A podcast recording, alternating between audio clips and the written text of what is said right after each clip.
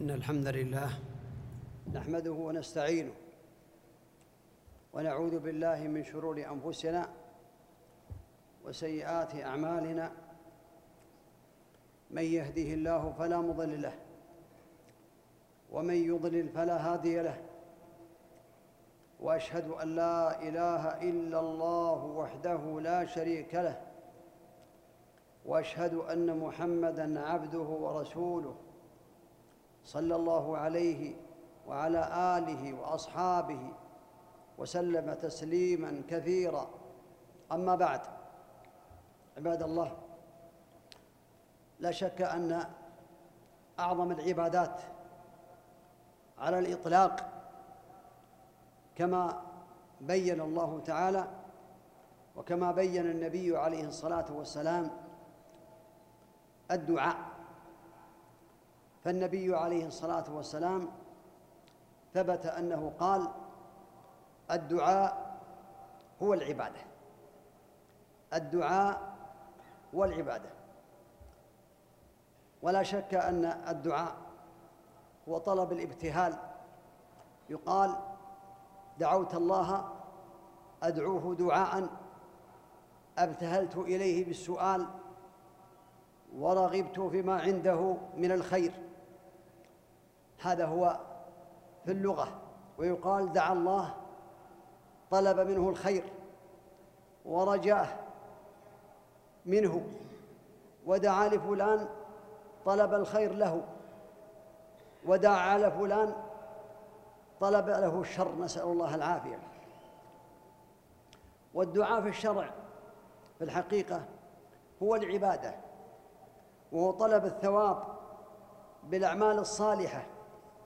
كالنطق بالشهادتين والعمل بمقتضاهما والصلاة والصيام والزكاة والحج والذبح لله تعالى والنذر له وبعض هذه العبادات تتضمن الدعاء بلسان المقال يعني بلسان مقال الإنسان بالقول مع لسان الحال كالصلاة. فمن هذه الأمور أنها هي تتضمن الدعاء بلسان الحال بالمقال مع لسان الحال. ولهذا إذا قال الإنسان قال بلسان الحال أي دعا كالصلاة فمن قال بلسانه الحال أن يغفر له أنه يتعبد لله طلبا لثوابه وخوفا من عقابه. ودعاء المسألة هذا لأن الدعاء نوعان دعاء مسألة ودعاء عبادة. طلب ما ينفع الداعي بلسان المقال بلسان مقاله هو من جلب نفع أو كشف ضر أو دفعة. وكل دعاء في كتاب الله اسمع. كل دعاء في كتاب الله تعالى أو سنة رسوله عليه الصلاة والسلام يتناول نوعين اثنين دعاء العبادة ودعاء المسألة. فالدعاء في القرآن والسنة يراد به هذا تارة وهذا تارة ويراد به مجموعهما. ثانيا تلازم نوعي الدعاء. فإذا أريد بالدعاء دعاء المسألة فالطلب فإنه يدل على العبادة بطريق التضمن كان يقول اللهم اغفر لي اللهم ارحمني اللهم إني أسألك العفو والعافية في الدنيا والآخرة. هذا يقول بلسان المقال لكنه يتضمن العبادة لأن هذا الدعاء يتضمن الذل التذلل لله والرغبة فيما عند الله تعالى من الخير والخوف مما عنده من الشر. إذن هو يتضمن كذلك دعاء العبادة بطريق التضمن. لأن الداعي إذا دعا دعاء المسألة عابد لله يرجو قبول دعوته وهو مع ذلك خائف من طرده وعدم قبول دعوته. إذن هذه عبادة دعاء مسألة ودعاء عبادة. فإذا كان الله تعالى يقول وإن يمسسك الله بضر فلا كاشف له إلا هو وإن يمسسك بخير فهو على كل شيء قدير. فهو يسأل الله تعالى بلسان المقال لكن دخل في لسان المقال الخوف من الله والرغبة فيما عند الله تعالى والطمع في ثوابه وغير ذلك. إذن هذا دعاء عبادة ودعاء مسألة. فالمسلم عليه أن يعلم بأن كل دعاء يتضمن دعاء المسألة أو يكون كذلك يتضمن دعاء العبادة.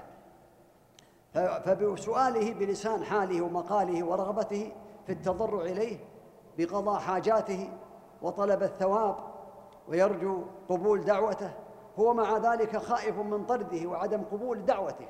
خاف إن الله ما يتقبل منه. اذا هذا عبادة لله تعالى. وأما إذا أريد بالدعاء دعاء العبادة وهو طلب الثواب على العمل الصالح فإنه يدل على دعاء المسألة. بطريق دلالة الالتزام. لأن العابد لله تعالى كالذي يذكر الله تعالى ويحافظ على الواجبات ويبتعد عن المحرمات مثلا فهو الحقيقة سائل. يسأل الله تعالى. الصلاة إذا صلى هذا دعاء. لكنه يصلي يسأل الله تعالى بلسان حاله ومقاله أن يتقبل منه وأن يدخل الجنة وأن يعيده من النار. ولهذا يعلم الإنسان معنى قول النبي عليه الصلاة والسلام الدعاء هو العبادة. الدعاء هو العبادة. مثلا فهو بالحقيقة سائل الله تعالى يسأل الفوز بالجنة والنجاة من النار. قال العلامة السعدي رحمه الله تعالى كل ما ورد في القرآن من الأمر بالدعاء والنهي عن دعاء غير الله تعالى والثناء على الداعين الذين يدعون الله تعالى. يتناول دعاء المسألة ودعاء العبادة. وهذه قاعدة نافعة. فإن أكثر الناس إنما يتبادر لهم أن لفظ دعاء المسألة فقط ولا يظنون دخول جميع العبادات في هذا الدعاء. فلا شك أن الإنسان يعلم بأنه إذا دعا الله فهو دعاه بلسان حاله بلسان حاله من الذل والخضوع والتقرب إليه سبحانه وبلسان مقاله بلسانه يسأل الله تعالى أن يجيب دعوته ويدخل في ذلك الذل والتضرع لله تعالى.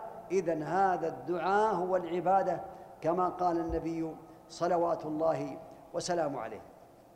ولا شك أن الله تعالى بين في كتابه العزيز وبين النبي عليه الصلاة والسلام فضل الدعاء. الذي هو الدعاء هو العبادة. بعض الناس يقول دعاء مخ العبادة صحيح ورد هذا لكن الصواب أنه لفظه الدعاء هو العبادة. قال الله عز وجل وقال ربكم ادعوني أستجب لكم. إن الذين يستكبرون عن عبادتي سيدخلون جهنم داخرين. اذا هذا الإنسان إذا دعا الله يستجيب له سبحانه وتعالى يجيب دعوته. لكن تكون على حسب ما يكون نافعا لهذا الإنسان إن لم يكن عنده مانع من الموانع. ولهذا قال سبحانه وإذا سألك عبادي عني فإني قريب أجيب دعوة الداعي إذا دعان فليستجيبوا لي وليؤمنوا بي لعلهم يرشدون. لعلهم يرشدون. فالله تعالى قريب قرب يليق بجلاله سبحانه وتعالى.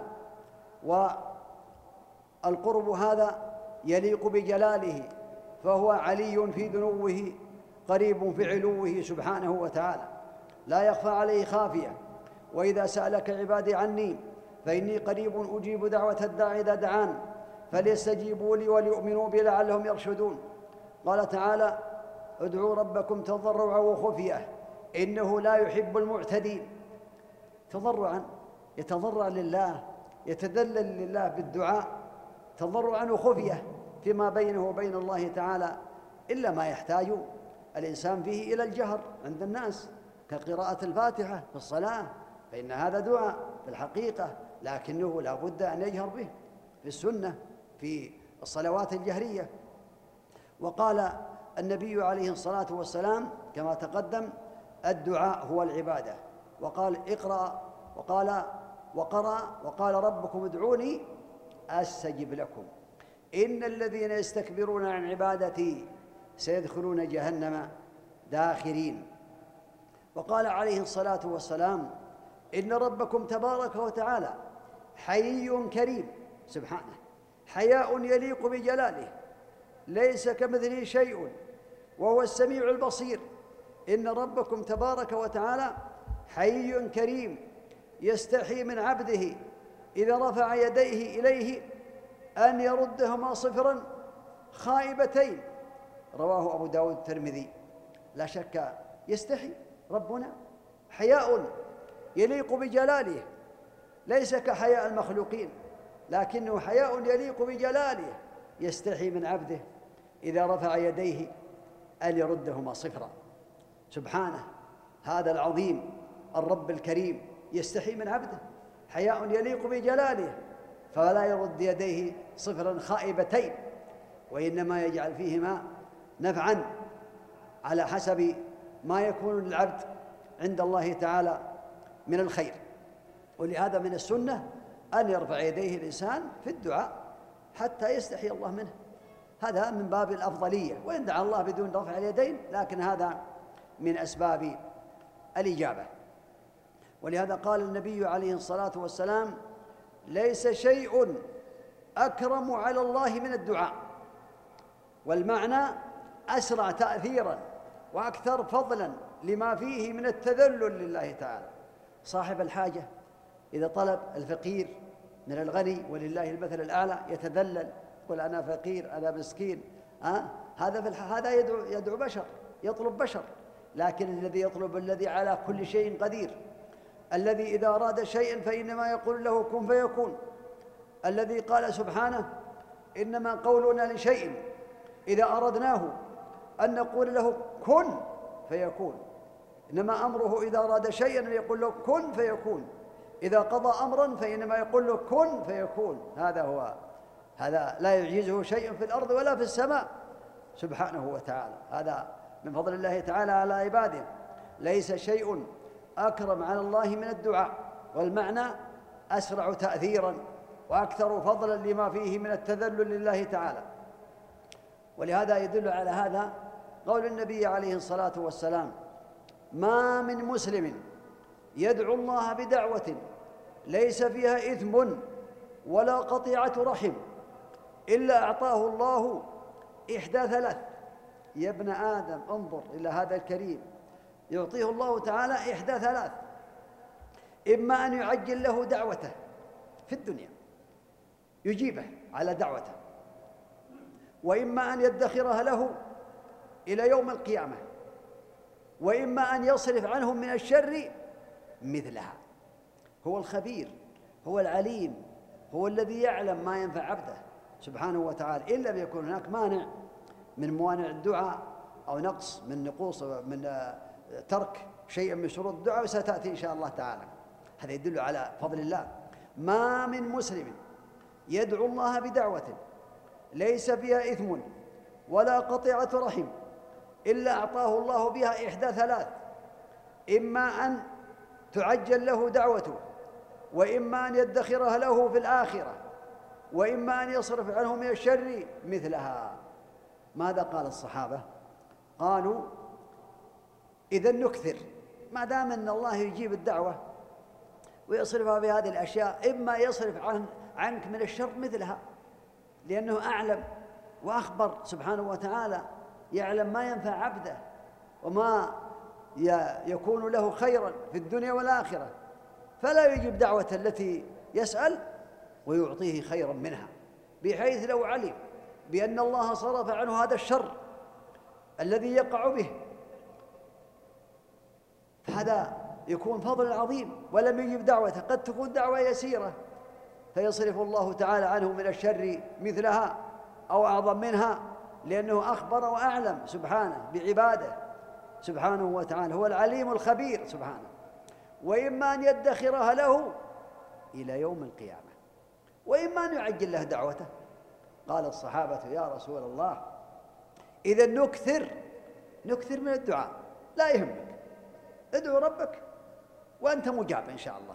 لكن كونك ما ترى بأن دعوتك أجيبت قد صرفت. إن قمت بالشروط وابتعدت عن الموانع التي ستذكر إن شاء الله إلى شيء أنفع لك. لأن الله هو العليم الخبير. يعلم ما كان وما يكون وما لم يكن. لو كان كيف كان فهو العليم الخبير وهو الكريم سبحانه. الأكرم الذي بيده كل شيء علام الغيوب الذي لا يخفى عليه شيء سبحانه وتعالى. إذن لا تتهم ربك بل عليك أن تجزم بأن الله قد استجاب دعاءك. إما أنه يعجله لك وإما أنه صرف عنك من الشر مثله وإما أنه قد ادخره لك إلى يوم القيامة. هذا في الحقيقة قال الصحابة يا رسول الله إذا نكثر. قال النبي عليه الصلاة والسلام الله أكثر اللهم صل وسلم عليه. ولهذا قال النبي عليه الصلاة والسلام من لم يسأل الله يغضب عليه. ما يسأل الله. لا جنة ولا نار ولا يستعيذ به من عذاب القبر ولا من عذاب النار. ما يسأل الله تعالى الخير ولا يستعيذ به من النار. فالله تعالى يغضب عليه. سبحان الله لأنه يريد نفع الإنسان. يريد الله تعالى بكم اليسر ولا يريد بكم العسر. فإذا كان لم يسأل الله تعالى فالله يغضب عليه نعوذ بالله. لأن العبد إذا تذلل وطلب الله تعالى هذا عبادة من أعظم العبادات لله تعالى أن يستكين ويتضرع بين يدي الله عز وجل يدعوه سبحانه وتعالى راغبا ورهبا. ولا يخيبه سبحانه ولو طال الوقت. بعض الناس يستعجل يريد أن تجاب دعوته على الفور لكن هذا بيد الله تعالى. قد تؤخر لعلم الله تعالى ولحكمة منه سبحانه وتعالى. ولهذا قال النبي عليه الصلاة والسلام لا يغني حذر من قدر والدعاء ينفع مما نزل ومما لم ينزل. الدعاء ينفع مما نزل ومما لم ينزل وإن البلاء لينزل فيتلقاه الدعاء. البلاء ينزل فالدعاء يلقاه فيتعالجان إلى يوم القيامة أي يتدافعان ويتصارعان. هذا الحديث رواه أحمد وغيره هو حديث ثابت عن النبي عليه الصلاة والسلام. الدعاء شأنه عظيم الدعاء سلاح سلاح عظيم. لكن الله تعالى قد يؤخر الإجابة وقد يجعلها الإنسان في الآخرة وقد يصرف عنه من الشر مثلها وهو لا يدري المسكين. ضعيف ما يدري. لكن علام الغيوب القادر على كل شيء يعلم بما ينفع الإنسان فيجيبه سبحانه. إن سلم من موانع الدعاء التي ستذكر وإن سلم من ترك بعض الشروط التي بينها النبي عليه الصلاة والسلام. ولهذا هي إذا تعالج الدعاء بين فقط يقضي الله تعالى بشيء على عبده قضاء مقيدا بأن لا يدعوه فإذا دعاه اندفع. والله يعلم ذلك كله لا يخفى عليه شيء. قد يقضي الإنسان الله تعالى عليه بشيء مقيد بالدعاء بأنه إذا دعا أجيب وإن لم يدعو وقع له ذلك.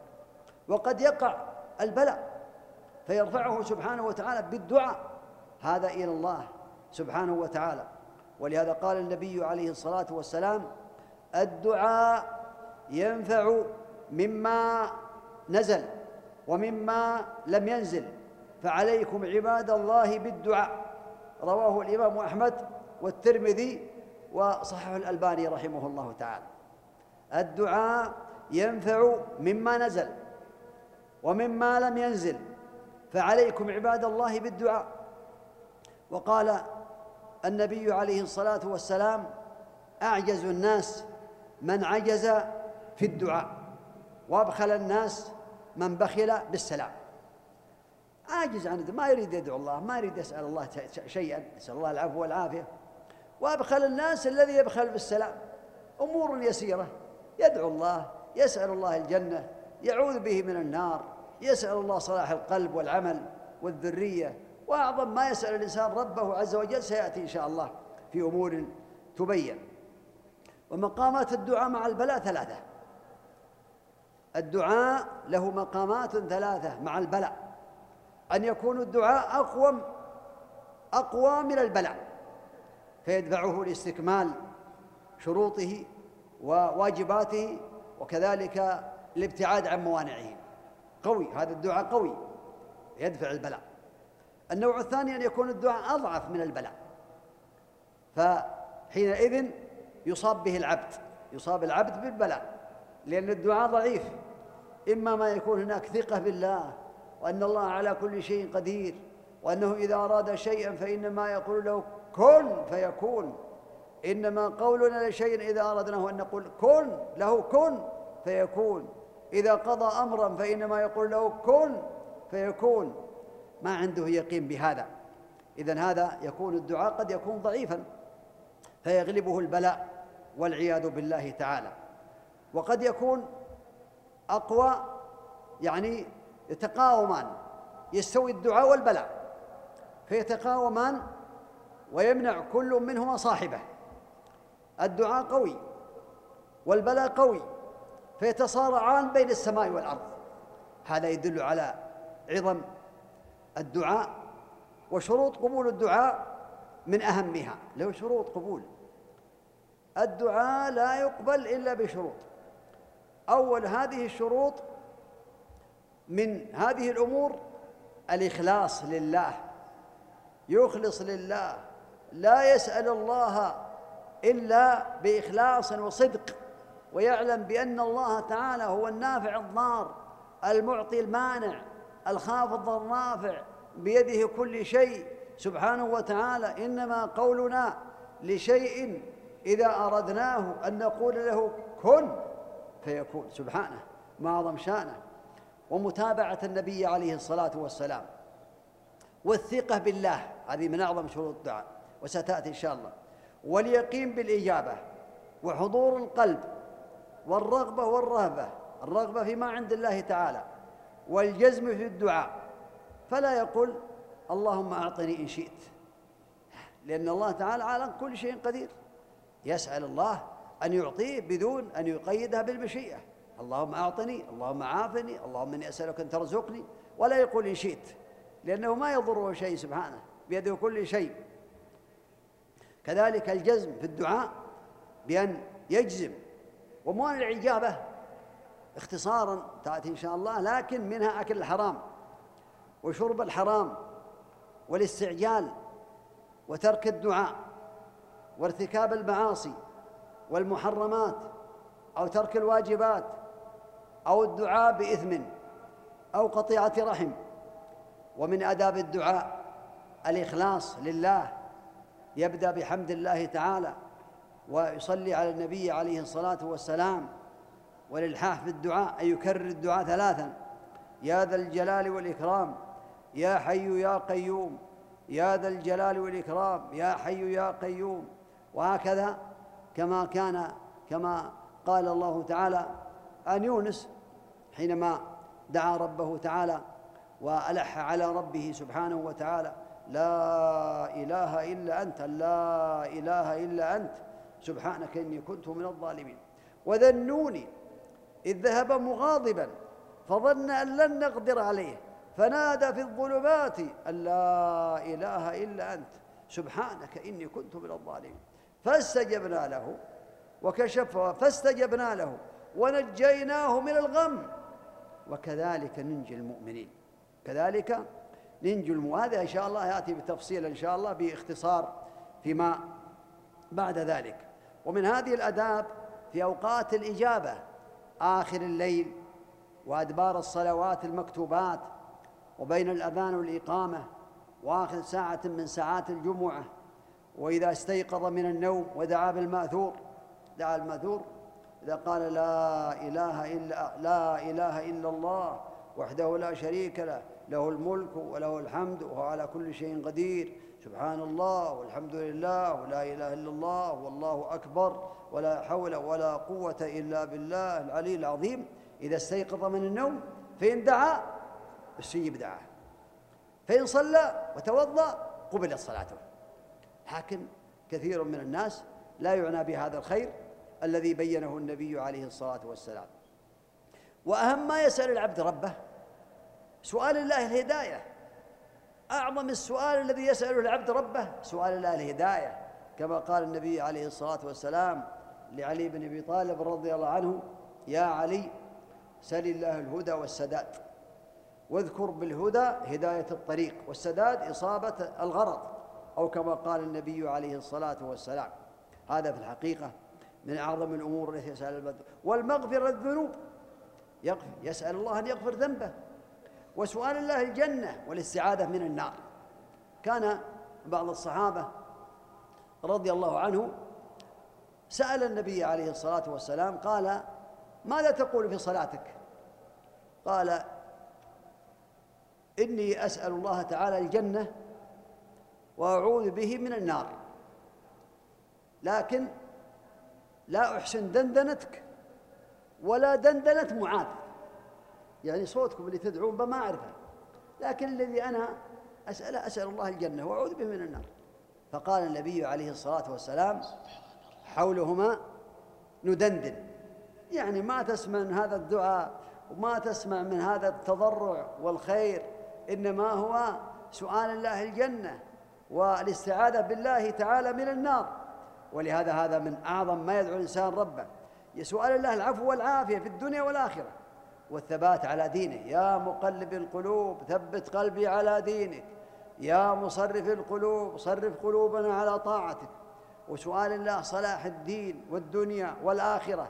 هذا في الحقيقة من أعظم الأمور التي ينبغي المسلم أن يعنى بها حتى يحصل على الثواب العظيم. والخلاصة أن الدعاء له آداب. وله أسباب إجابة إذا عمل بها الإنسان حصل على الخير لأن الدعاء عبادة.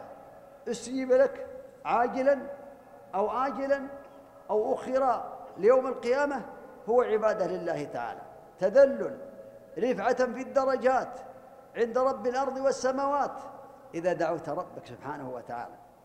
لهذا من أعظم الآداب الإخلاص لله تعالى. في الدعاء يخلص لله.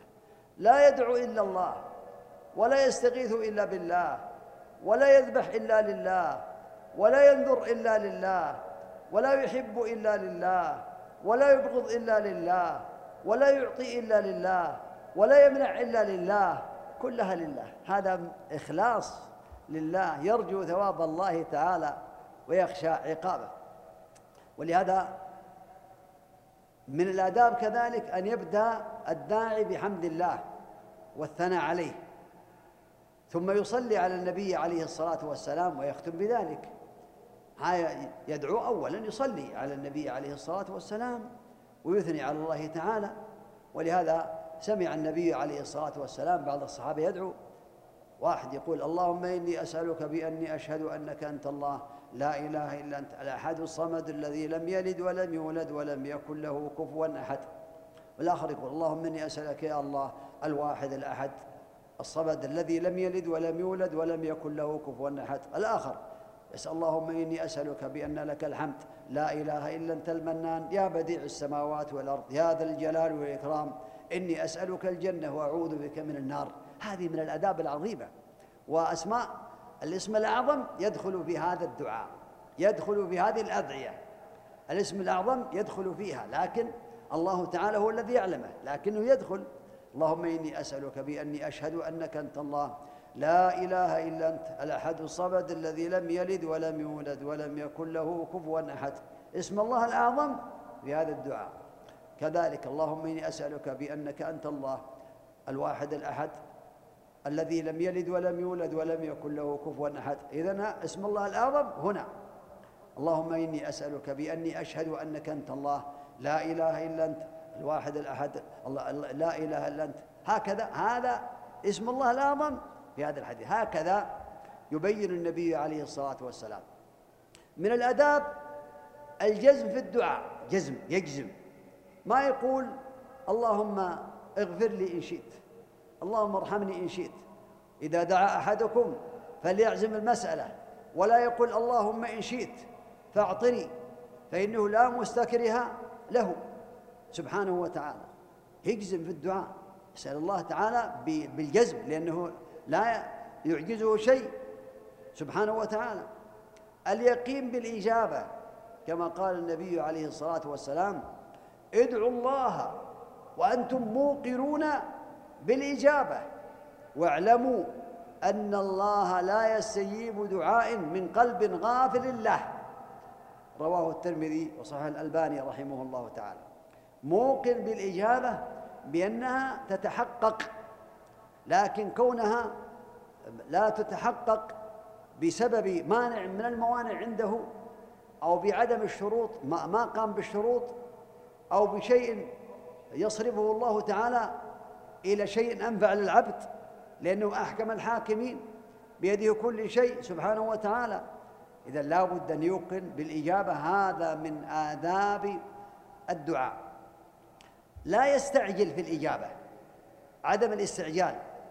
يستجاب لأحدكم ما لم يعجل يقول قد دعوت وقد دعوت فلم أرى يستجب لي فيترك الدعاء. دعا دعا ثم ترك الدعاء. ما استجاب استعجل.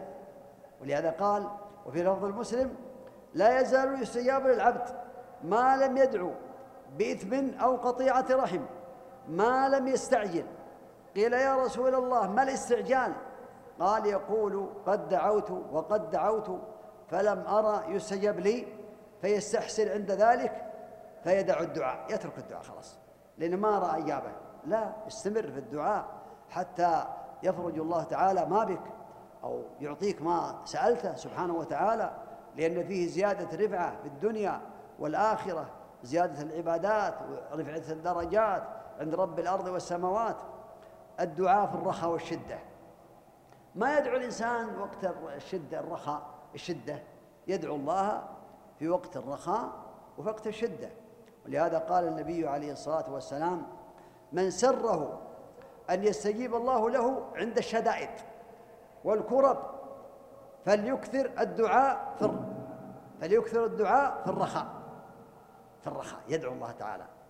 حتى ولو لم يكن عنده حاجة يدعو الله تعالى بذلك. لا يسأل العبد إلا الله وحده ولا يدعو على أهله ولا ماله ولا ولده. لا يسأل إلا الله ولا يستعين إلا بالله. ولا يستغيث إلا بالله ولا يذبح إلا لله ولا ينذر إلا لله ولا يعطي إلا لله ولا يعمل أي عمل إلا لله ابتغاء مرضات الله تعالى. وكذلك لا يدعو على أهله ولا ماله فإن الإنسان قد يدعو على ولده أو على زوجه فيوافق ساعة لا يرد الله تعالى فيها الدعاء فيستجيب له. ولهذا نهى النبي عليه الصلاة والسلام عن الدعاء على الأهل والمال. قال لا توافقوا ساعة يستجاب فيها الدعاء أو كما قال عليه الصلاة والسلام. خفض الصوت بالدعاء هذا من الآداب الدعاء. يعني يخفض الصوت بالدعاء فيما بينه وبين الله تعالى ومع الذل والتذلل لله تعالى. وهذا آه، الاعتراف بالذنب كما في سيد الاستغفار أن الإنسان يسأل ربه تبارك وتعالى يعترف بذنبه وفي الحقيقة هذا من الآداب. لا يتكلف السجع في الدعاء. يسجع بحيث آه، توافق الكلمات بعضها بعضا وإنما يدعو بما يعني يوافق قلبه بدون تكلف في الدعاء والسجع. يسأل الله العفو والعافية وهكذا. رد المظالم. يرد المظالم إلى أهلها. إذا كان ظالما فكر هل عنده مظلمة لأحد يردها ويستغفر الله تعالى من الظلم. فإن رد المظالم من أعظم إجابة من أعظم أسباب إجابة الدعاء. رفع الأيدي. هذا من أسباب إجابة الدعاء يرفع يديه. كما قال النبي عليه الصلاة والسلام إن ربكم تعالى تبارك وتعالى حي كريم يستحي من عبده. إذا رفع يديه إليه أن يردهما صفرا خائبتين. سبحانه ما أعظم شأنه. يستحي من العبد. هو الذي خلق وهو الذي رزق وهو المستحق للعبادة وهو الذي بيده كل شيء. يستحي من عبده. والحياء هنا حياء يليق بجلال الله. ليس كمثله شيء وهو السميع البصير. حياء يليق بجلال الله. ليس كحياء المخلوقين لكنه حياء فيه الكمال من كل وجه لله تعالى. يستحي من عبده إذا رفع يديه أن يردهما صفرا سبحانه الله أكبر. هذا من أعظم الأمور التي تدل على كماله وعلى جوده وعلى كرمه وعلى إحسانه سبحانه وتعالى. كذلك الوضوء إن تيسر الأفضل أن يدعوه على وضوء. فإن لم يتيسر فالحمد لله لكن الأفضل أن يكون على طهارة أن يتوسل الداعي إلى الله بأسماء الحسنى وصفات العلى أو بعمل صالح قام به نفسه أو بدعاء رجل صالح حي حاضر قادر. والمعنى كان يقول اللهم إني أسألك بأني أشهد أنك أنت الله لا إله إلا أنت الأحد الصمد الذي لم يلد ولم يولد ولم يكن له كفوا أحد إني أسألك الجنة وأعوذ بك من النار. أو يقول اللهم إني أسألك بأن لك الحمد. لا إله إلا أنت المنان. يا بديع السماوات والأرض. يا ذا الجلال والإكرام. إني أسألك الفردوس الأعلى في الجنة وأعوذ بك من النار. أو يقول اللهم إني أسألك بأني أشهد أنك أنت الله. لا إله إلا أنت الأحد الصمد الذي لم يلد ولم يولد ولم يكن له كفوا أحد. ويسأل حاجته. هذا يقال له التوسل. يتوسل إلى الله تعالى بأسمائه وصفاته العلى أو بعمل صالح قام به الداعي نفسه. قمت بعمل صالح. وتعلم بأن الله تعالى يجيب دعاءك بهذا التوسل. كتوسل الثلاثة. الذين يتوسلوا انطبقت عليهم صخرة في مطر كما في مسلم فأغلقت الصخرة الباب الغار غار أو كهف. فإنهم حينما أغلقت عليهم الصخرة هذا الباب لا ونش يرفع هذه الصخرة عظيمة ولا أحد ثلاثة. فقالوا لا ينفعكم إلا أن تدعوا الله تعالى بصالح أعمالكم. فقال الأول اللهم إنه كان لي أبوان شيخان كبيران وكنت لا أغبق قبلهم أهلا ولا مالا. يعني الغبوق هو شرب اللبن في الليل. وكنت لا أغبق قبلهم أهلا ولا مالا. فنايا أبي طلب الشجر يوما. يعني ابتعد به كأنه كان راعي يرعى. فلم أروح عليهما حتى ناما فحلبت غبوقهما فجعلت على كفي أنتظر استيقاظهما حتى استيقظا فأسقيتهما غبوقهما. اللهم إن كنت فعلت ذلك ابتغاء مرضاتك أو ابتغاء وجهك فافرج عنا ما نحن فيه من هذه الصخرة. فارتفعت الصخرة إلا أنهم لا يستطيعون الخروج. فقال الآخر اللهم إنه كان لي ابنة عم وكنت أحبها أشد ما يحب الرجال النساء. فراودتها عن نفسها فامتنعت وذهبت حتى ألمت بها سنة من السنين. فجاءت إلي فوافق معها على أن تخلي بينه وبين نفسها. قال فلما كنت منها في موضع كذا وكذا قالت يا عبد الله اتق الله. ولا تفض الخاتم إلا بحق اتق الله ولا تفض الخاتم إلا بحقه. موقف عظيم. قال فتركتها وتركت المال الذي أعطيتها. اللهم إن كنت فعلت ذلك ابتغاء وجهك أو مرضاتك فافرج عنا ما نحن فيه من هذه الصخرة. فارتفعت الصخرة غير أنهم لا يستطيعون الخروج. فقال الثالث اللهم إنه كان لي أجراء وأعطيت كل واحد أجره. فذهب به. إلا واحدا لم يأخذ أجره. ما أخذ أجرته تركها. وقيل بأنها كانت آصع من من حبوب. فتركها حتى جاء إلي سنة من السنين فقال يا عبد الله أد إلي حقي. قال ونميتها له حتى صار واد من الإبل واد من البقر واد من الغنم نماها يعني تاجر فيها. فجاء إلي يوم وقال يا عبد الله أد لي حقي. قال اذهب فخذ ما هنا فهو لك. قال يا عبد الله تستهزي بي. هو كان يطلب حبوب قليلة لكنه قال يا عبد الله تستهزي بي. قال فاستاقها ولم يترك منها شيئا. اللهم إن كنت فعلت ذلك ابتغاء مرضاتك أو ابتغاء وجهك فافرج عنا ما نحن فيه من هذه الصخرة. فارتفعت فخرجوا يمشون. الله أكبر. ما خرجوا يزحفون خرجوا يمشون. سبحان الله العظيم. هذا يدل على قدرة الله. كما قال الله تعالى إنما أمره إذا أراد شيئا أن يقول له كن فيكون. قول إنما قولنا لشيء إذا أردناه أن نقول له كن فيكون. إنما هذا يدل على قدرة الله تعالى وأنه على كل شيء قدير صخرة. انطبقت عليهم لا حول لهم ولا قوة ولا رافعات ولا شيء إلا أنهم سألوا الله تعالى بصالح أعمال. فيجوز الإنسان أن يسأل الله بأعماله الخالصة كأن يقع في مصيبة أو غير ذلك. قل اللهم إني يذكر الأعمال الصالحة التي كان يعملها فيسأل الله بينه وبينه نفسه يا ربي اللهم إن كنت فعلت هذا العمل من أجلك يا الله فافرج عني ما أنا فيه من هذا الشيء.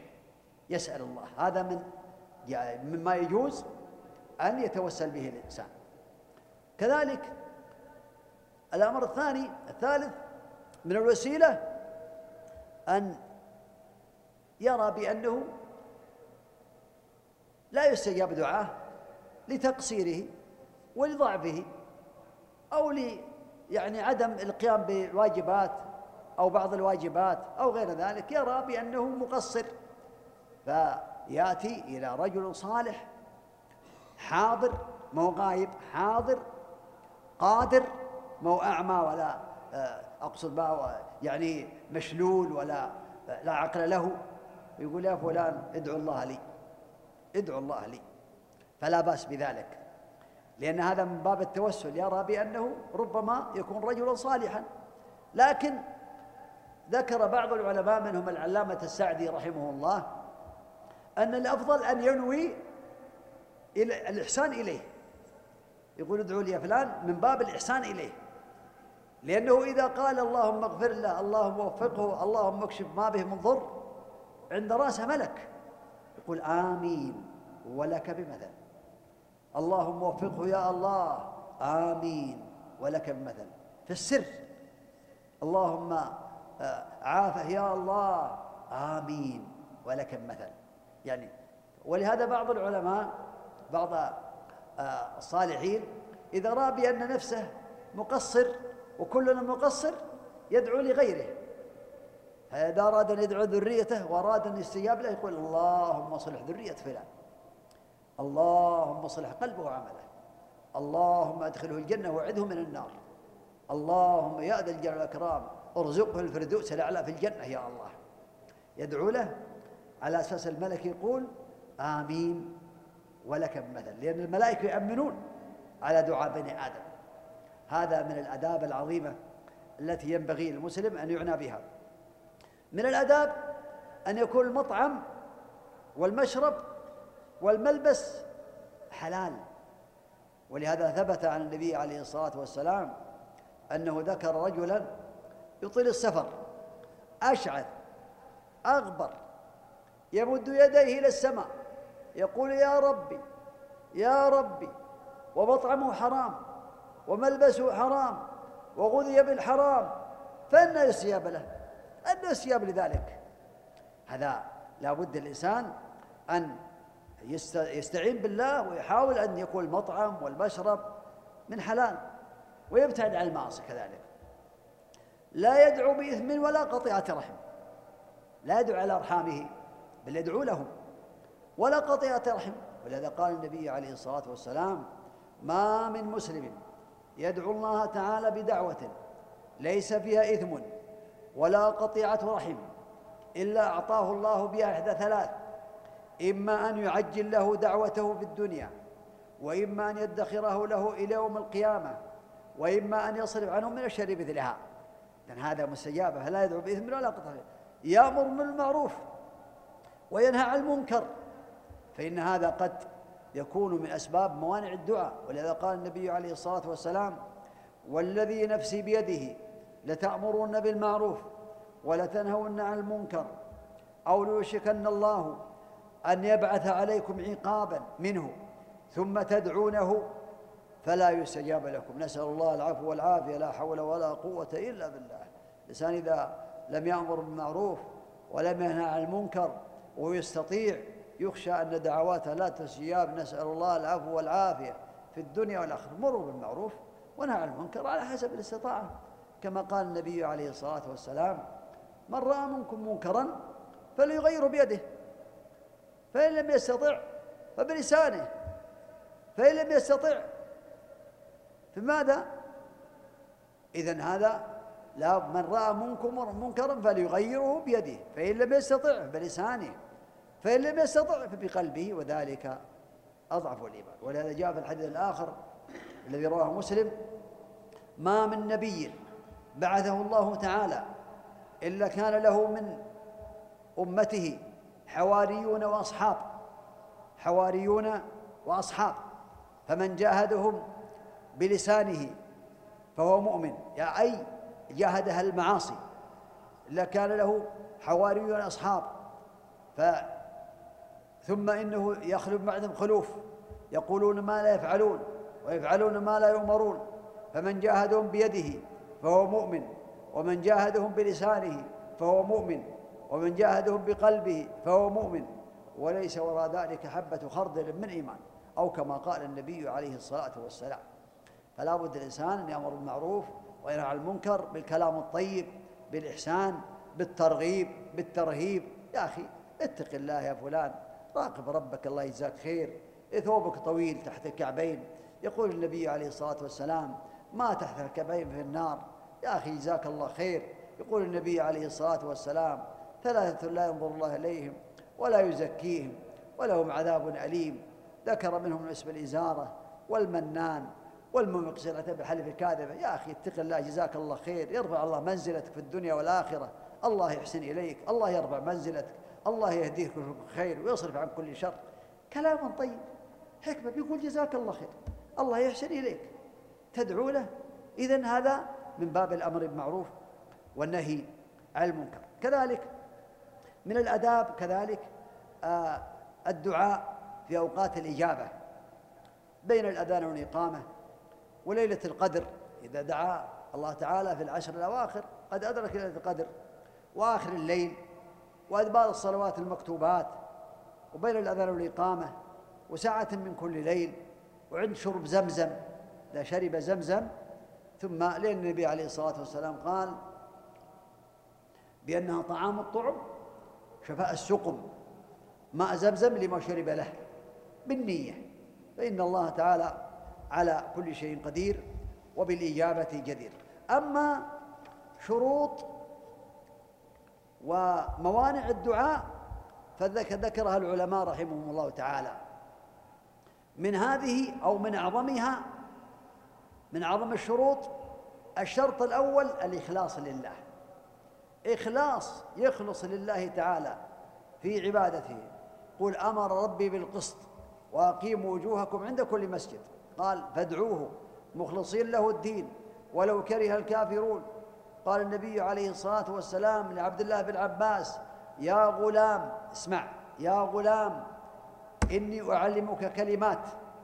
احفظ الله يحفظك. احفظ الله تجده تجاهك. إذا سألت فاسأل الله وإذا استعنت فاستعن بالله.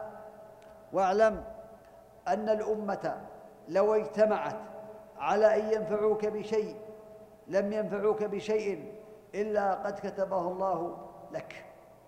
وإن اجتمعوا على أن يضروك بشيء لم يضروك إلا بشيء قد كتبه الله عليك. رفعت الأقلام وجفت الصحف. الله أكبر الله أكبر.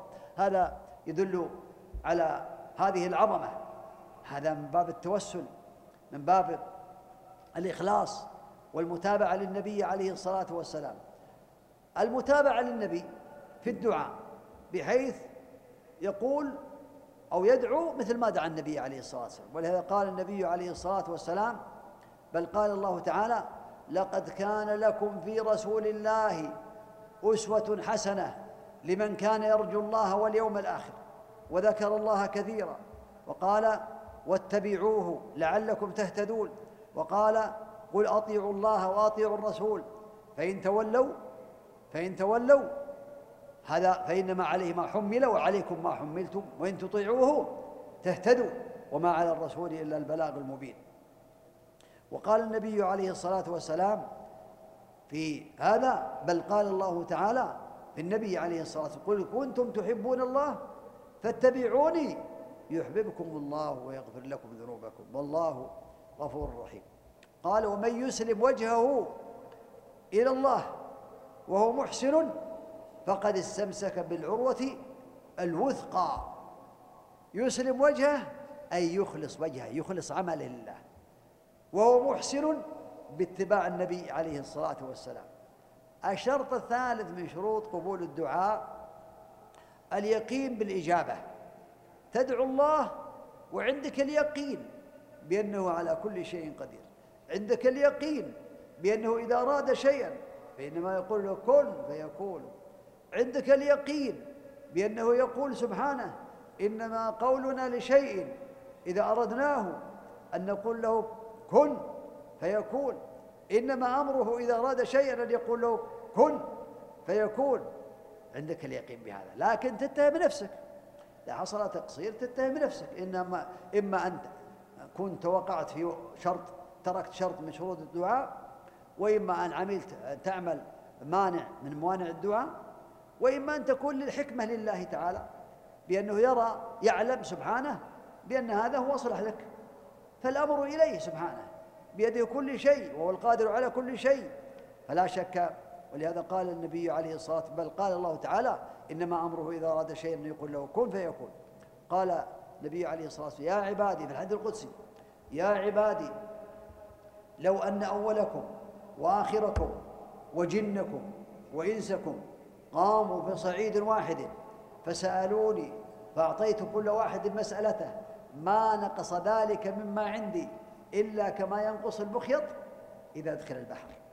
لو اجتمع الأولون والآخرون والجن والإنس في مقام واحد في وقت واحد وسأل كل واحد مسألته فأعطاهم كلهم ما سألوا. والله ما ينقص من عند الله تعالى إلا كما ينقص المخيط إذا دخل البحر. المخيط الإبرة. لو دخلت الإبرة في البحر ثم نزعت هذه الإبرة كما أخذت من الماء ما نقص من ذلك شيء لأنه بيده كل شيء سبحانه وتعالى. ولهذا ينبغي أن يعلم هذا. ولهذا قال النبي عليه الصلاة والسلام يد الله ملأ لا تغيضها نفقة سحاء الليل والنهار. أرأيتم ما أنفق منذ خلق السماوات والأرض؟ فإنه لم يغض ما في يده وكان عرشه على الماء وبيده الميزان يخفض ويرفع. سبحانه وتعالى والحديث متفق عليه. قال ادعوا الله وأنتم موقنون بالإجابة. الشرط الرابع من شروط قبول الدعاء حضور القلب والخشوع بين يدي الله تعالى. واذكر ربك في نفسك تضرعا وخيفة قال إنهم كانوا يسارعون في الخيرات ويدعوننا رغبا ورهبا وكانوا لنا خاشعين. ادعوا الله وأنتم موقنون بالإجابة. واعلموا أن الله لا يسيب الدعاء من قلب غافل له. نسأل الله العافية. يعني ممكن يسأل الله ويكلم فلان. فلان اللهم اغفر له. فلان قلبه غافل. يقبل إلى الله بقلبه وقالبه ويسأل الله تعالى. والله تعالى يجيب الدعوات سبحانه وتعالى. لأنه إذا أراد شيئا فإنما يقول له كن فيكون. الشرط الخامس العزم والجزم والجد في الدعاء. فإذا الإنسان ربه يجزم. ما يقول اللهم اغفر لي إن شئت لأنه ما لا يستكر لا يدخله شيء سبحانه وتعالى. لا يقول لأحدكم اللهم اغفر لي إن شئت اللهم ارحمني إن شئت ولكن ليعزم المسألة وليعظم الرغبة يعظم الرغبة. فإن الله لا مستكر له. هذه من شروط يقال لها شروط الدعاء. موانع الإجابة هناك موانع تمنع الإجابة. لا تستجاب إلا إذا تكرم ربنا عز وجل وعفى عن الإنسان.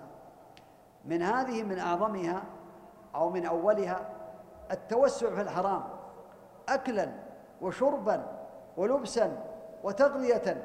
ولهذا قال أيها الناس إن الله طيب لا يقبل إلا طيبا. طيب لا يقبل إلا طيبا. ثم ذكر الرجل يطيل السفر أشعث أغبر يمد يديه إلى السماء يقول يا رب يا رب ومطعمه حرام وملبسه حرام وغذي بالحرام فإن الصيام ذلك. أن بصيام يتوب إلى الله يتوب إلى الله تعالى ثم يسأل الله تعالى. وقد يستجيب الله تعالى للمضطر فهو على كل شيء قدير. لكن هذا من الموانع التي جاءت في الحديث المانع الثاني الاستعجال وترك الدعاء. فقد يدعو الله تعالى ولكن يتأخر الإجابة فيترك الدعاء عجز. دعا دعا دعا فلم يرى يستجب فترك الدعاء. إذا هذا ولهذا قال يستجاب لأحدكم ما لم يعجل. فيقول قد دعوت فلم أرى يستجب لي فيترك الدعاء. أو كما قال النبي عليه الصلاة والسلام لا يزال يستجاب للعبد ما لم يدعو بإثم أو قطيعة رحم ما لم يستعجل. ولهذا المسلم لا يستعجل يدعو الله تعالى ولو بعد حين. فالله تعالى على كل شيء قدير ولهذا هو لا يخيب. إما في الدنيا يعطى دعوته وإما يصرف عنه من الشر مثلها وإما أن تدخره ليوم القيامة. هذا كرم. قال الصحابة إذا نكثر كما قال الصحابة رضي الله عنهم. كذلك المانع الثالث ارتكاب المعاصي والمحرمات. فإن الذي يرتكب المعاصي والمحرمات قد لا تستجاب دعوته لأنه يعصي ربه عز وجل يتوب إلى الله تعالى من المعاصي. ولهذا قال بعضهم لا تستبطي الإجابة. وقد سددت طريقها بالمعاصي. سدت طريقها بالمعاصي. فالإنسان يتوب إلى الله تعالى وينظر إلى ما عنده من الأخطاء ويتوب إلى الله تعالى منها. ويسأل الله العفو والعافية. ترك الواجبات التي أوجب الله سبحانه وتعالى هذا كذلك. والذي نفسي بيده كما تقدم لتأمرون بالمعروف ولتنهون عن المنكر أو ليوشكن الله أن يبعث عليكم عقابا منه ثم تدعونه فلا يستجاب لكم. المانع الخامس الدعاء بإثم أو قطيعة رحم. تقدم في الحديث وثبت أن النبي عليه الصلاة والسلام قال ذلك. أهم ما يسأل العبد ربه. هذا آخر ما يقال في هذه الكلمات. ما هو أهم؟ ما يسأل العبد ربه. لا شك أن العبد فقير إلى الله في كل شيء. يا أيها الناس أنتم الفقراء إلى الله. كلنا فقراء إلى الله. فيسأل ربه. الخزائن بيد الله. وإن من شيء إلا عندنا خزائنه وما ننزله إلا بقدر معلوم. الخزائن بيد الله. إذن أهم ما يسأل العبد ربه منها أمور وهي أولا من هذه الأمور كما قال النبي عليه الصلاة والسلام أنه يسأل الله الهداية كما قال لعلي يا علي سأل الله الهدى والسداد واذكر بالهدى هداية الطريق والسداد إصابة الغرض أو كما قال عليه الصلاة والسلام. فيقول اللهم إني أسألك الهدى والسداد اللهم اهدني وسددني سؤال الله الجنة وأن يستعيذ به من النار فإن هذا من أعظم المطالب. إذا أنجاك الله من النار وأدخلك الجنة فقد قال الله تعالى في ذلك فمن زحزح عن النار وأدخل الجنة فقد فاز. فاز. هذا يدل على أن هذا الفوز فوزا عظيما. كذلك من هذه الأمور التي ينبغي المسلم أن يعنى بها سؤال الله تعالى حسن العاقبة وحسن الخاتمة كما كان النبي عليه الصلاة والسلام يقول اللهم اهدني فيمن هديت وعافني فيمن عافيت وتولني فيمن توليت وبارك لي فيما أعطيت.